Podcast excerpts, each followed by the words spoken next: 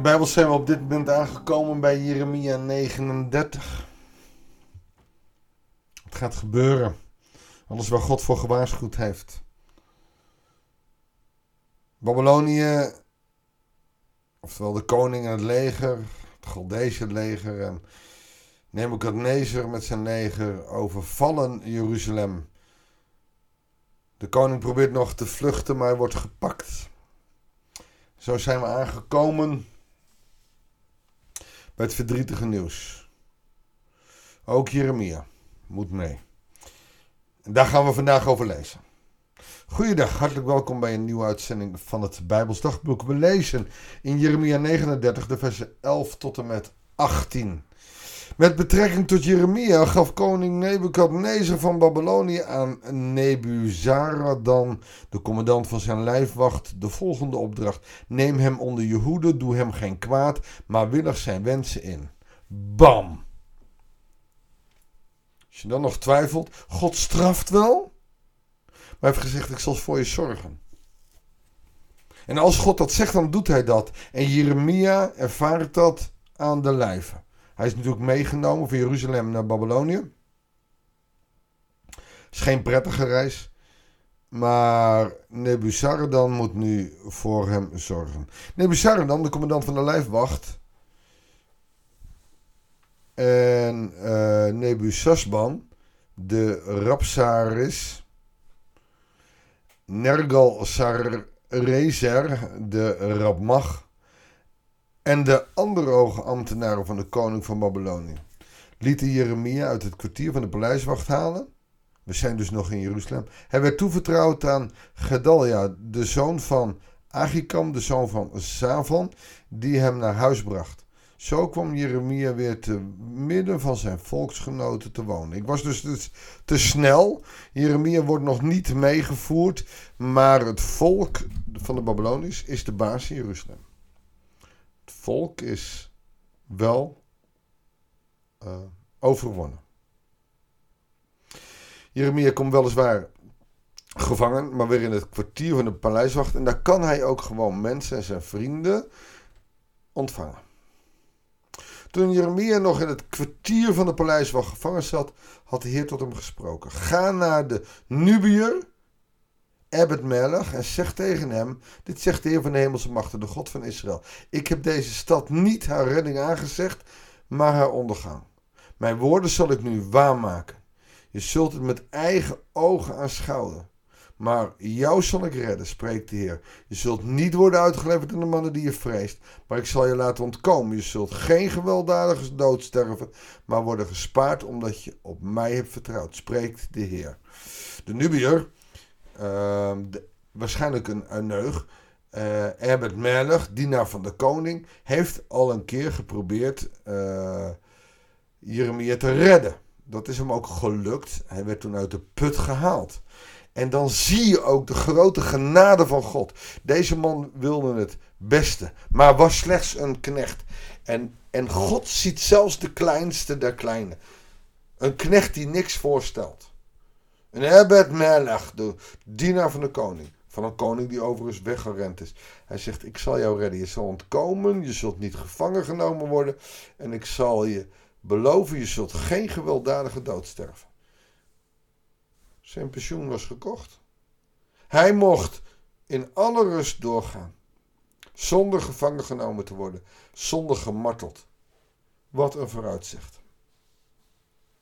En daarin zie je dus de grote genade van God. God kan zijn straf wel doen, maar hij zal daar nooit mensen die geen schuld hebben ongestraft in mee laten gaan. Het volk was echt ongelooflijk dwars. Ongelovig. Ongelooflijk ongelovig. Zij hebben straf verdiend. Maar een knecht als Herbert Melch of Jeremia, de knecht van de Heer, ze worden gered. God gebruikt Jeremia nog steeds.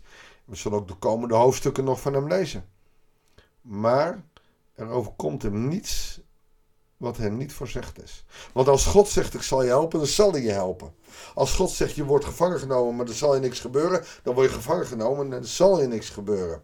Als God zegt: Ik zal Jeruzalem platbranden, dan zal Jeruzalem platbranden. Wat de mensen ook willen.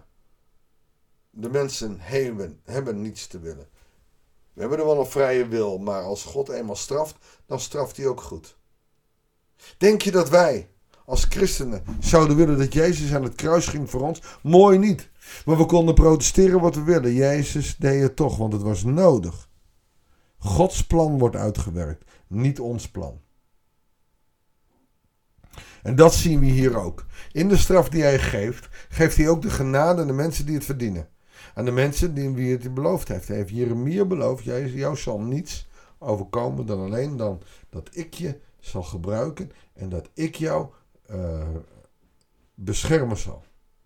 En dat geldt ook voor ons, lieve mensen. Als je dicht bij God leeft, als je in relatie met God leeft, dan zullen we onder zijn bescherming mogen zijn. Midden in de ellende van deze wereld, midden in de onderdrukkingen, de oorlogen, de ziektes en alles wat er is. Hij zal bij je zijn. En soms is dat heel moeilijk te realiseren. Want er zijn genoeg mensen die een bitter verdriet meedragen en die dan opeens denken: God is wel heel ver weg. En toch vooral deze mensen wil ik je bemoedigen. Ook al voel jij God niet, God is er wel.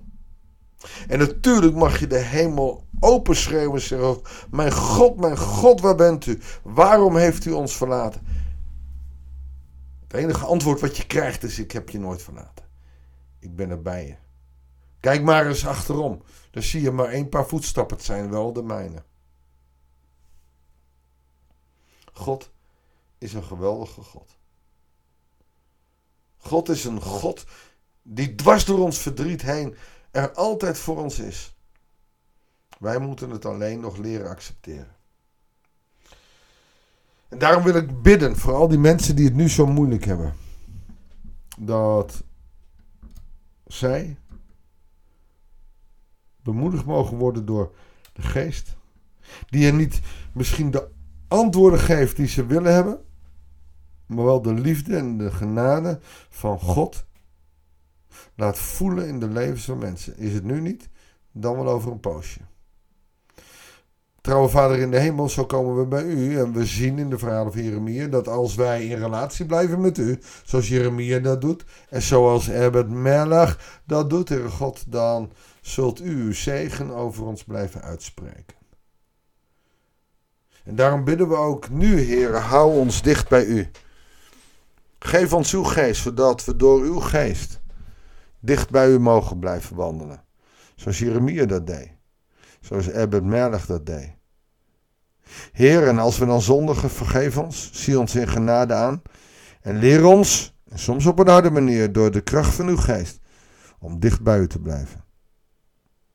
We danken u dat u vandaag bij ons was. We bidden u voor de komende dagen. Wil bij ons zijn. Zegen ons zo. Dwars door alles heen.